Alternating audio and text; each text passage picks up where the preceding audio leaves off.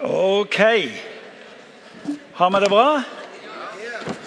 Hva da for?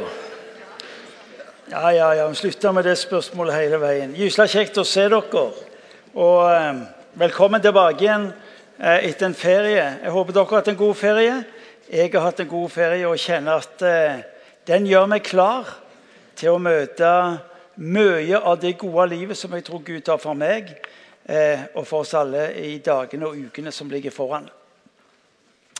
Eh, litt gode anbefalinger må dere få med dere. Imi kirke har eh, en bibelskole som kalles for Akta bibelskole. Hvor mange her, inne har gått på Akta bibelskole? Altså, Dælerina. Eh, Vitnesbyrd om den bibelskolen er at den ikke primært har peiling på hodet ditt, men eh, på hele deg. Dermed så, så lærer du å, både å kjenne og tro på en Gud, eh, men du lærer også å gå med han. Eh, der er brosjyre ute i vestibylen eh, hvor du kan ennå melde deg på. Vi har eh, nesten 40 studenter, eh, fulltidsstudenter. Så se på den brosjyren og se om det kunne være noe for deg. Det vi også har i tillegg, er akta deltid. Det vil si at eh, hvis du ikke kan av enten familiære eller jobbmessige grunner, så er det et tilbud som eh, er akta deltid, og som gjør at du også der får med deg mye av undervisning. Velkommen er du til å kikke på den og se om det kan være noe for deg. Martin Kay vet jeg, har gleden av å være en del av teamet her i huset. Har vært i Imi kirke i Gysla mange år. Og noen som vet at jeg har vært her så lenge, sier at du må jo være gysla religiøs, du. Og jeg tenkte hva all verden mener du med religiøs? Ja, sånn kristelig, ja. Ja, Hva betyr det, da? Nei, sånn kristelig. Ja, du må Ja, du går jo i kirka, gjør du ikke det? Jo, gjør det òg.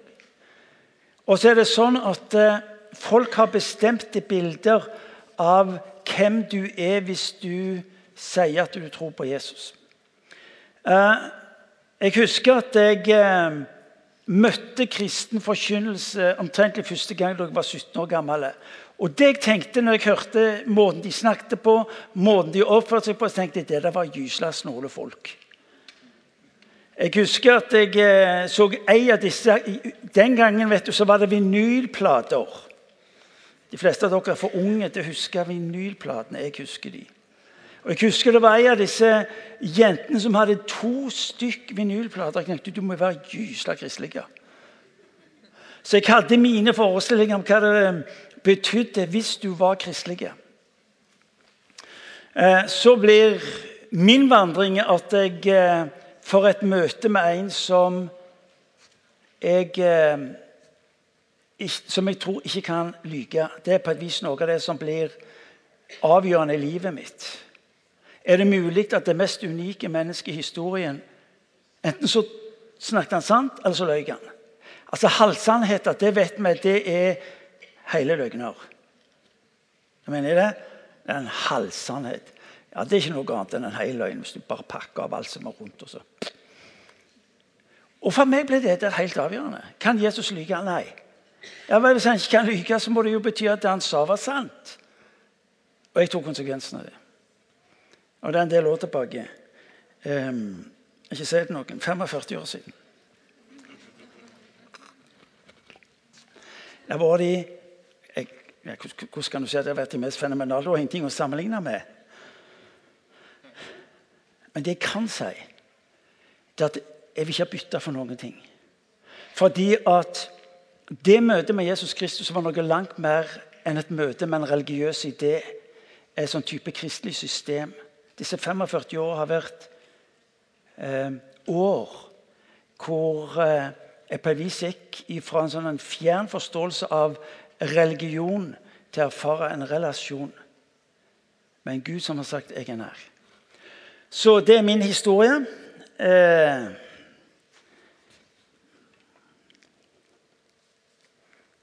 når kona mi har reist seg, så blir jeg alltid stille.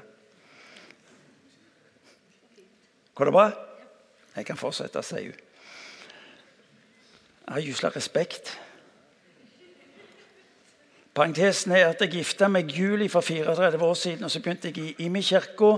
En måned etterpå så begynte jeg å miste håret.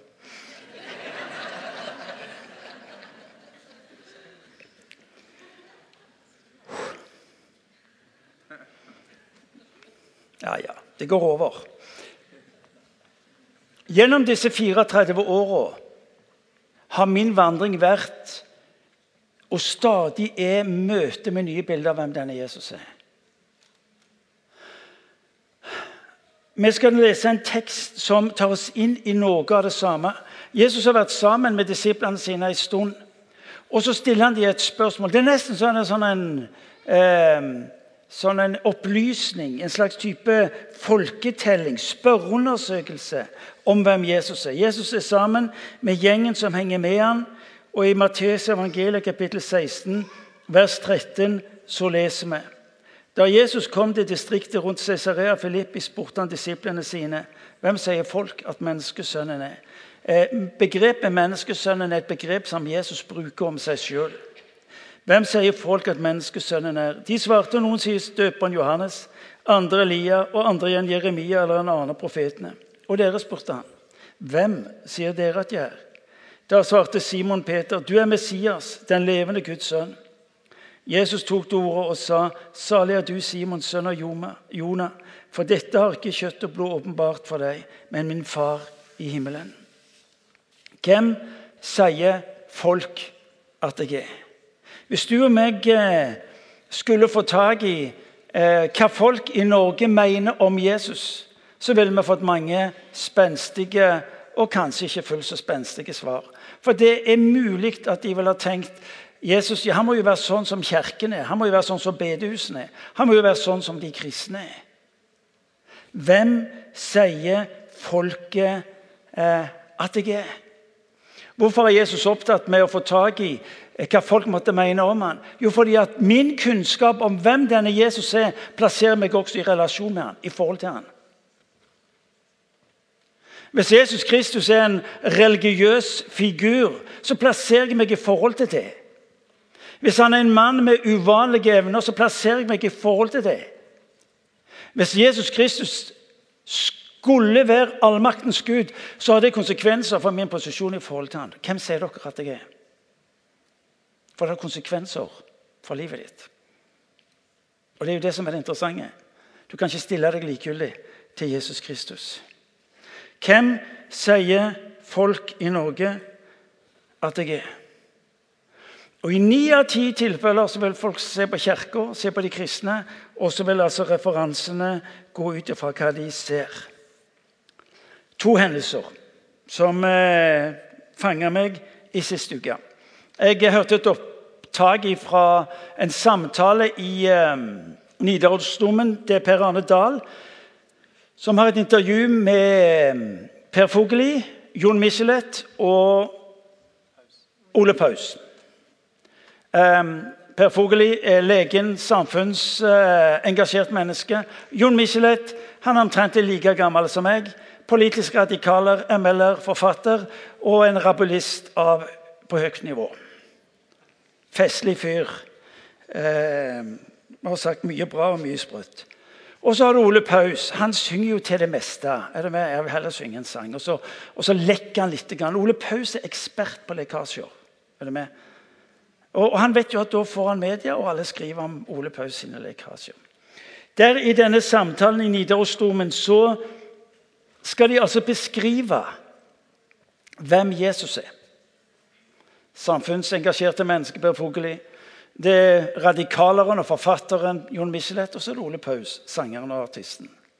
Og det interessante er at Når jeg sitter og hører på dem, så slår det meg at det de gjør, alle tre de, de forteller om en Jesus som reflekterer deres egen historie. De, eh, når, når, Per Fugelli skal snakke om Jesus, så vil han snakke om en Jesus som har betydning i menneskers mentalhygiene, you name it, livssituasjoner. Og så har du Jon Michelet som vil snakke ut fra forfatterens og det radikale standpunktet. Og så har du Ole Pau, som sagt, som synger det meste eh, når han skal mene et eller annet om folk som har betydning. Summen når jeg satt og hørte på den samtalen, var disse menneskene forteller om sine bilder. Av hvem Jesus er. Og så rett som det kan være for de, så kan jeg bli hakkende gale. Det andre hendelsen jeg hadde, det var når jeg leste i Christianity Today, det er en av de fremste avisene i, eh, i verden i dag. Når jeg leste intervjuet med Rosario Champagne Butterfield Hun var altså amerikansk, er amerikansk professor i engelsk. Hun var definert ateist, venstreradikaler, lesbisk og hata alt som hadde med kristendom og kristne mennesker å gjøre. For hun hadde de så fullstendig på maten ut ifra det hun hadde opplevd med dem. Og så er situasjonen slik at hun eh, opplever ting, og så skal hun altså eh, skrive noe. Men i den prosessen med å skrive noe, så får hun et spørsmål inn fra sidelinja. Hvordan kom du fram til din tolkning av Jesus? Hvordan vet du at du har rett? Hvordan Rosario, kom du fram til din tolkning av Jesus, og hvordan vet du at du har rett? En lang historiekort. Hun forteller i dette intervjuet som hun selv har skrevet og gitt ut, så skriver hun så skjer det mest utrolig jeg kjøper en bibel fordi at jeg ønsker å lese det som står i den boka. Og så opplever, forteller hun, at etter hvert som jeg leser, så er det noe av det jeg leser i denne bibelen, som vokser inn i livet mitt, og som utfordrer meg og som en dag tvinger meg til å stoppe opp, for jeg får et spørsmål eller en påstand fra Johannes evangeliet kapittel 7, vers 17. Der leser hun den som vil gjøre hans vilje, skal skjønne om læren av Gud. Hun hadde lest i Bibelen med et forsøk på å forstå før hun gjorde det som Bibelen sa, og så skjønte hun plutselig at hun er nødt til å gå motsatt vei. Hvor mange av dere husker X-File?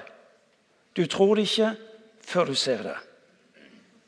I Guds rike er det motsatt. Du ser det ikke før du tror det.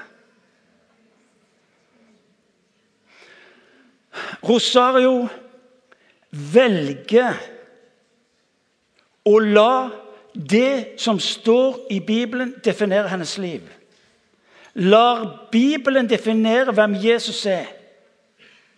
Og så skjer det noe grunnleggende i livet hans. En dag så kommer Rosarios venninne, og så sier hun dette er sitat fra Rosario sjøl. Rosario, bibellesinga forandrer deg. Rosario, bibellesinga forandrer deg. Hun vågte, etter å bli konfrontert med Hvorfor er du der du er? Og så våger hun Bibelen. Og så våger hun la Bibelen få lov til å tale inn i sitt liv, istedenfor at uh, hun er den som skal føre diskusjonen og debatten med Bibelen. Og Det er interessant, fordi at de fleste av oss vil definere Jesus ut ifra vårt eget ståsted. Ut ifra det vi behersker, ut ifra det vi kan. Hvis jeg nå forteller dere at her i dette rommet er det så mye musikk hvis, dere, hvis, vi alle er helt stille nå, så vil du høre den. Vær helt stille. Hører du musikken? Hører du strykerne? Hører du rocken? Kom an, intelligente mennesker. Skjerp dere! Hører dere musikken? Nei. Er dere enige med meg at i dette rommet så er det mye nydelig musikk?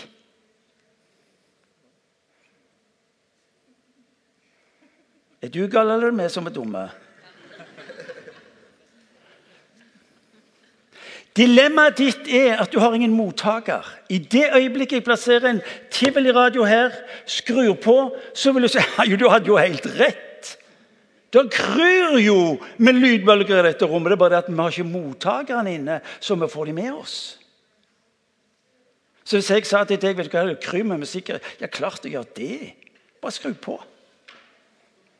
Og så flyr det rundt mennesker på den Ja, de flyr ikke, de går, da. Og så påstår de nei, Gud finnes ikke. Ja, Hvorfor finnes ikke Gud? Fordi de ikke er på mottakeren. Jeg er enig i bildet er litt sånn tilnærmet platt. Men du får tak i poenget. Hvem sier folk at jeg er? Og så sier Rosario jeg forsto at jeg var nødt til å handle på det jeg leste og det jeg så, for at jeg skulle få øye på hvem han var. Gud henvender seg ikke til din og min forstand. Han henvender seg til deg, din og min lydighet. Kult. Dermed er det ingen forutsetninger med hensyn til IQ for at du skal forstå det han holder på med. Hvem sier du at jeg er? Jo, sier Peter. Jeg tror du er Gud, og jeg følger deg. Jeg tror du er Messias, den levende Guds sønn. Jeg tror Hva er tro? Et par, par setninger. I vår verden, i den vestlige verden så er troen definert som sannhet. Ei intellektuell greie av ord, av formuleringer og alt det som primært tar bolig i den delen her oppe av oss. Mens tro i jødisk tenkning relateres til å følge, etterfølgelse, relasjon, lydighet. Leve sammen med. Er det sånn at for de fleste av oss så definerer vi Gud ut ifra vårt ståsted? Og så skal altså Gud plasseres ut ifra hva vi forstår våre rammer. Hør, folkens, da blir Gud gysla liten. For hvis det er de rammer, og du skal putte vår Herre inn i den, da blir det trangt, klamt og lite spenstig. Du er Messias. Nå er det altså plutselig med ved Peters bekjennelse som plasseres i forhold til Jesus. Hvem er Jesus? Jo, han er en religiøs utgave av et eller annet. Og så, og så forholder du deg til det. Nei. Nei, nei, nei, nei, sier Peter. Du er Messias. Du er den levende Guds sønn. Du er allmaktens Gud. Wow. Da er det meg som plasseres i forhold til den virkeligheten. Hva betyr det i ditt og i mitt liv? Én ting er hva jeg måtte mene. Men hør, Jesus, hvem er du egentlig? Vil du, vil du hjelpe meg til å forstå hvem du er? som utgangspunktet, som orienteringspunktet. Hvem jeg definerer meg ut ifra. Så skal du ha noe uhyre interessant. Gud er ikke så veldig opptatt med hva du gjorde med livet ditt, men hva du gjorde med det han ga deg. En gang til. Gud er ikke så opptatt med hva du gjorde ut av livet ditt, men hva du gjorde med det som han ga deg. Spørsmålet er ikke 'hvor er Gud', men 'hvor er du'? Spørsmålet er ikke om du definerer Gud inn i din verden, eller om han definerer deg inn i sin verden. Folkens, det er en himmelvid forskjell.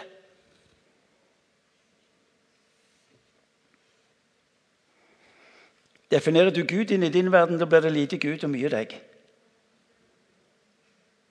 Men definerer du deg inn i Guds verden, da blir det mye Gud og mye deg.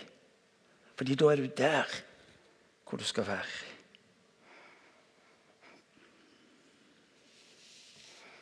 Fire enkle, nydelige streker om hvem han er, og hvordan han presenterer seg sjøl. Jeg, har, jeg, har sett fram til denne gudstjenesten fordi at jeg Dere kommenterer gjerne for å høre på Martin Keve. så skulle være noe sånn. Det, det, er mulig det er interessant å høre hva Keve måtte mene. Men vet du hva som har vært min bønn? Det er at de folka som har kommet i kveld, Gud, må få høre hvem, hva du mener om hvem du er. For det, det er det som teller. Hva jeg måtte klare å koke i hop, det, det, kan bli, det kan bli bra, det òg. Men det som, det som opptar meg, det er Folkens, kjære Gud, la meg få tak i det du sier om deg sjøl. Jesus har et ønske om å presentere seg sjøl.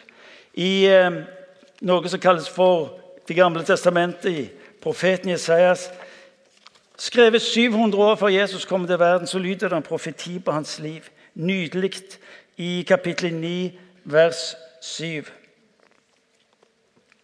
Jeg må lese det, for jeg kan det ikke utenat.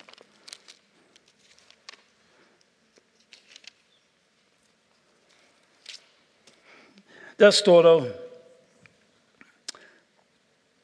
så skal herreveldet være stort og freden uten ende over Davids trone og hans kongerike. Det var feil. For et barn er oss født, en sønn er oss gitt, herreveldet er lagt på hans skulder. Han har fått navnet underfull rådgiver, veldig Gud, evig far, fredsfyrste. Når Jesus skal presentere seg sjøl, så presenterer han seg bl.a. som underfull rådgiver. Han presenterer seg som mektig Gud. Han presenterer seg som evig far og fredsfyrste. Noen få ord. Underfull rådgiver. Gud har et ønske om å tale sannheten inn i ditt og mitt liv. Om hvem han er sjøl, og hvem du er, og hva omgivelsene er. For et liv å skulle få lov til å forholde seg til allmaktens Gud som rådgiver. Ikke som bingospill, men som rådgiver.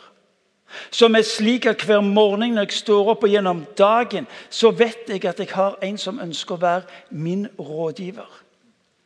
Her i huset møter vi mange former for liv og mange utgaver av fra de som til, til tider har det fenomenalt, til de som får, til tider opplever at livet er vanskelig. Jeg husker jeg møtte en god venn av meg som etter en samlivskrise eh, opplevde at hver enda dag var, var vedkommende nødt til å få lov til å møte Gud som rådgiver. Det hadde med økonomi å gjøre, det hadde med hus å gjøre, det hadde med unger å gjøre, det hadde med jobb å gjøre. Og livet var så vanskelig og så krevende.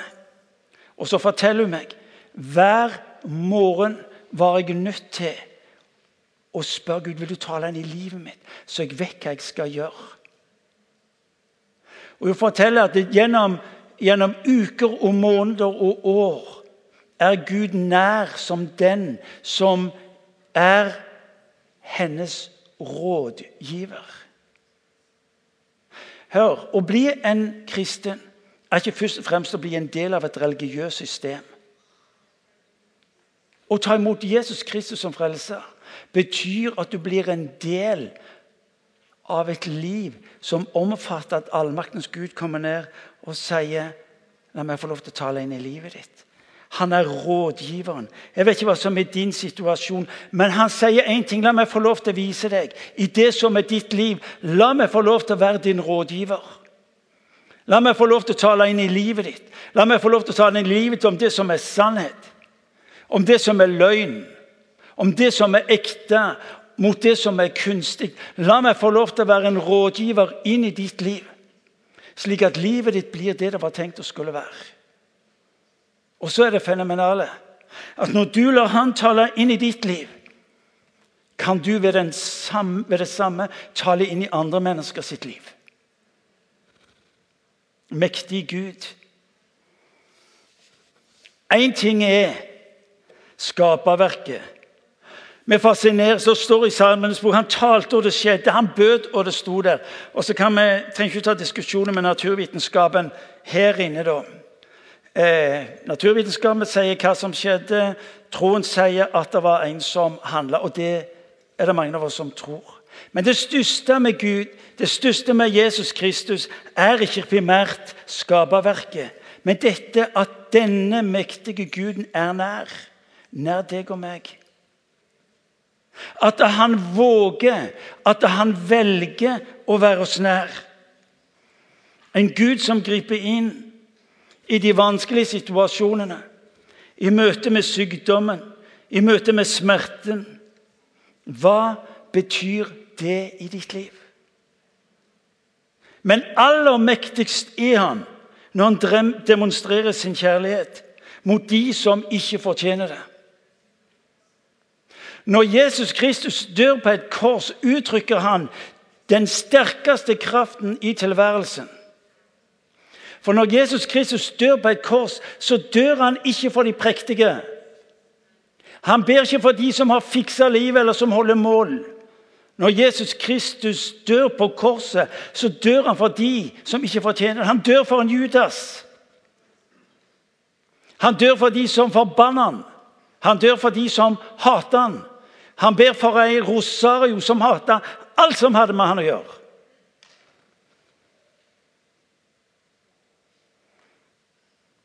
Guds makt kommer sterkest til uttrykk når han våger å være svak, bli svak, fordi at du skal få lov til å motta det han kaller for tilgivelse og nåde.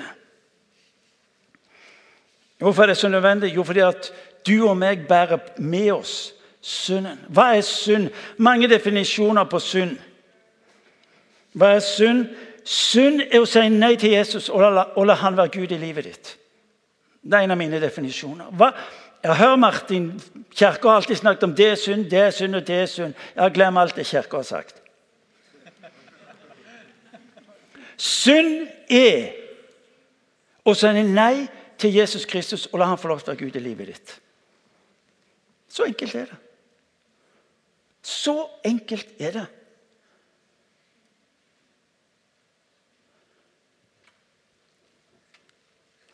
Den har jeg funnet på helt, helt av meg sjøl.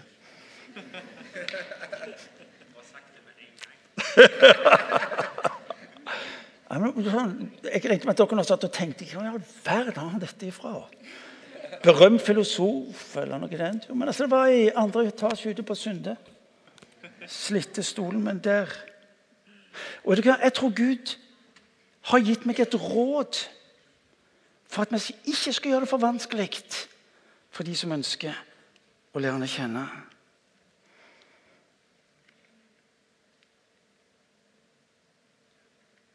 Tro på Jesus betyr å ha tillit til ham. Tro på Jesus betyr å la ham få lov til å være Gud i mitt liv.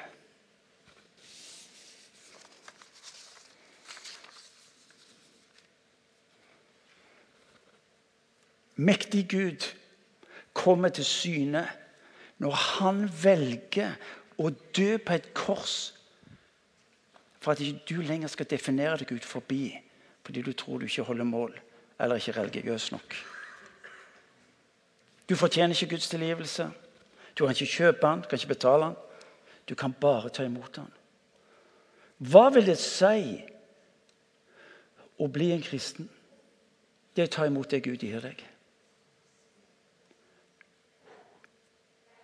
Jeg må ikke forandre meg. Nei. Ja, Det er mulig det skjer, men, men uh, det er ikke krav. Må ikke bli religiøs. Nei. Ta imot, seg. Mektig til å frelse deg fra syndens konsekvenser. Sterk nok til å være svak. Dør på et kors. Maktdemonstrasjon på kjærlighet. Ny start. Jesus, vis meg det så jeg ser det. Og Så forteller Rosario at hun leste, og etter hvert som hun leste, så, så var det akkurat som om denne Jesus kom meg i møte og overbeviste meg hvem han var. Ikke hva tradisjonen eller historien eller erfaringen i mitt eget liv var, men hvem han sjøl sa han ville være i mitt liv. Evig far. Det tredje. Jeg har aldri blitt spurt om å regissere det himmelen holder på med. og Det er godt mulig at det var klokt. Men jeg må jo si at når disiplene der står med disiplene og kommer til Jesus, så ber de at du må lære oss å be Jesus.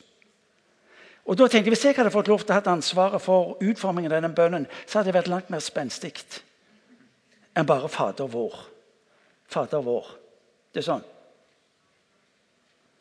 Nei, Hvis jeg skulle ha sånn Allmaktens Gud, skaper av alle ting, hersker over alt og alle, dømende dette er spenstige greier.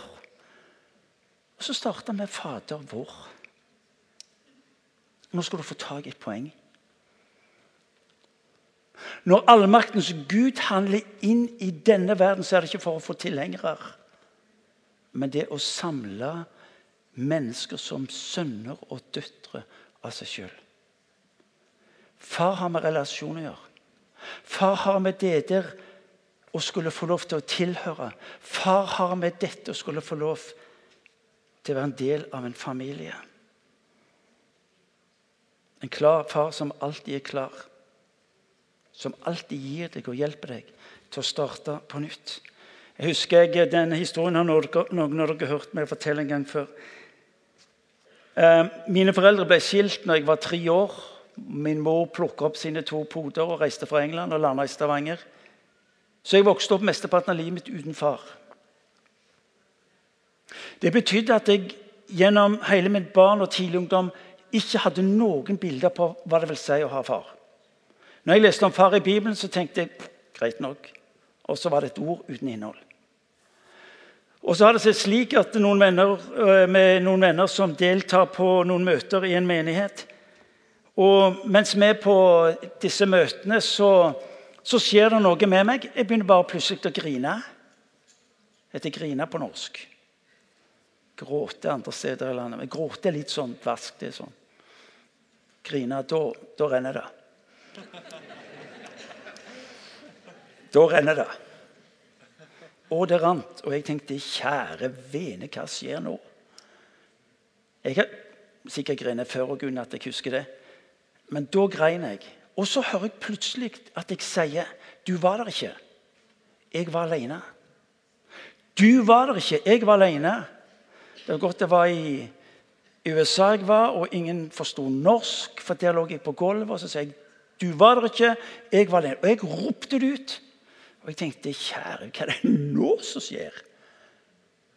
Og så går det opp for meg at jeg tas plutselig 40 år tilbake til tida i livet mitt. Da min mor bryter opp fra England, og det er svært dramatisk. Politi og hele greia.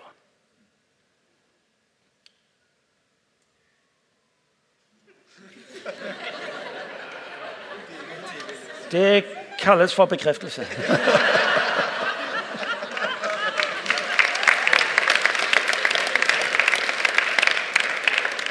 Hvis du nå tror at jeg planla det, så gjør jeg ikke det. Det som da skjer, er at eh, etter en stund så reiser jeg meg, og så går jeg. Og så eh, tenker jeg ikke mer på det. Og så neste dag er jeg på et helt annet sted. Og så I denne kirka inviterte de fram til forbønn, og jeg eh, går fram.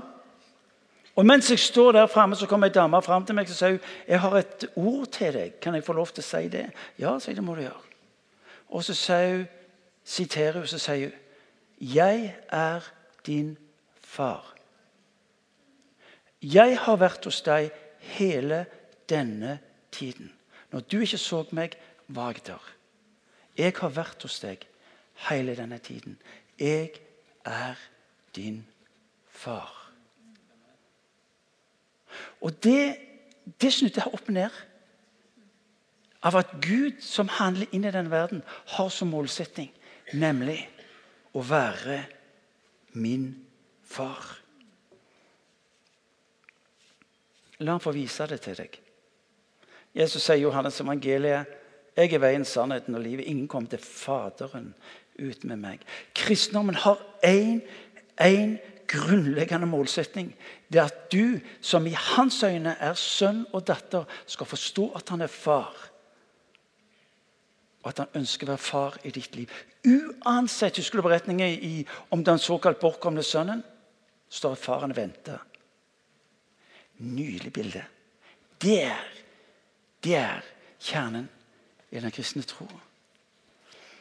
Jeg skal begynne å slutte, som de sier enkelte steder. Men la han få vise deg det. Det, er det som er viktig for ham. La han få vise deg det. Det siste ordet han sier, er fredsfyrsten. Hva var det de sang på hva var det de sang på marken forbi Jerusalem? Fred på jord. Er det noe du og meg lengter desperat etter, så er det fred. Hvis noen kunne konstruert fred på boks, så hadde du vært multimilliardær. Hva er det reklamen forsøker å overbevise deg om? At Bruker du produktet, så opplever du fred. Mange løser uroen i livet sitt ved jobbing, jobbing som gal.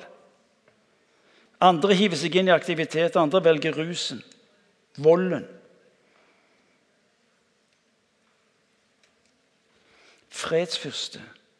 Martin sier jeg ønsker å være fredsfyrsten i livet ditt. Jeg ønsker å, å, møte deg med fred.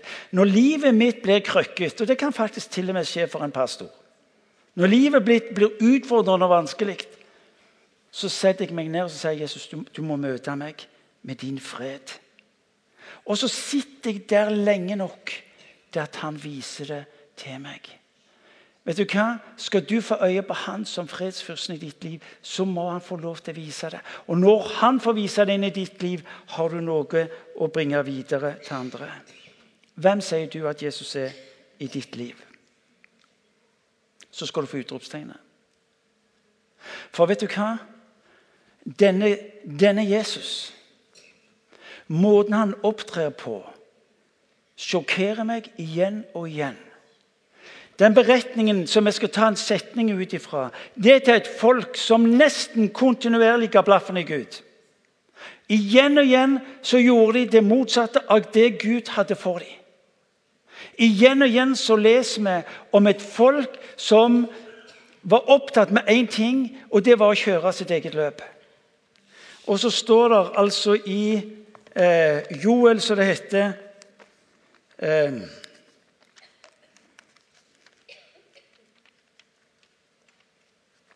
Den er tjukk, denne boka, vet du, så når eh, lappen ramler ut, så Men der var det.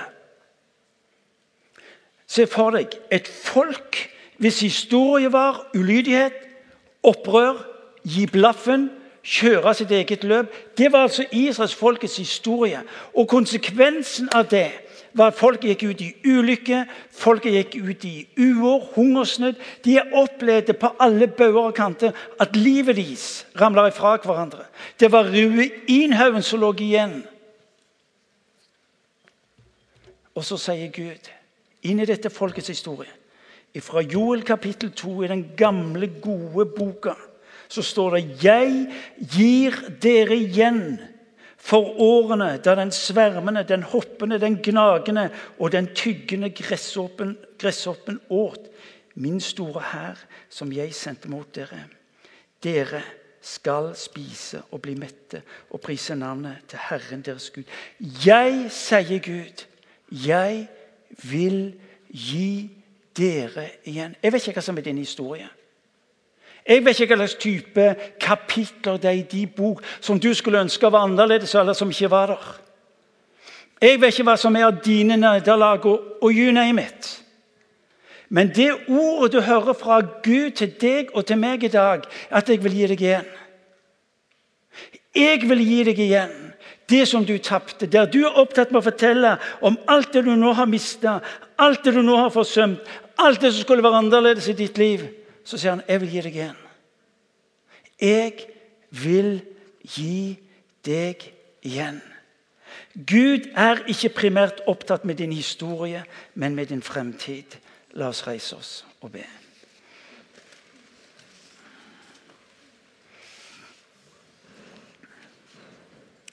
Hva slags bilde har du av Jesus? Jeg vet ikke hva bilde du har av Jesus, men det vet jeg i hvert fall. Han er opptatt med å gi deg sitt bilde av hvem han er. Hvem han ønsker å være i ditt liv. Og Egentlig så inviterer han deg inn til å gjøre én en eneste ting. Og det er Jesus vil du vise meg hvem du er. Og så handle ut ifra det.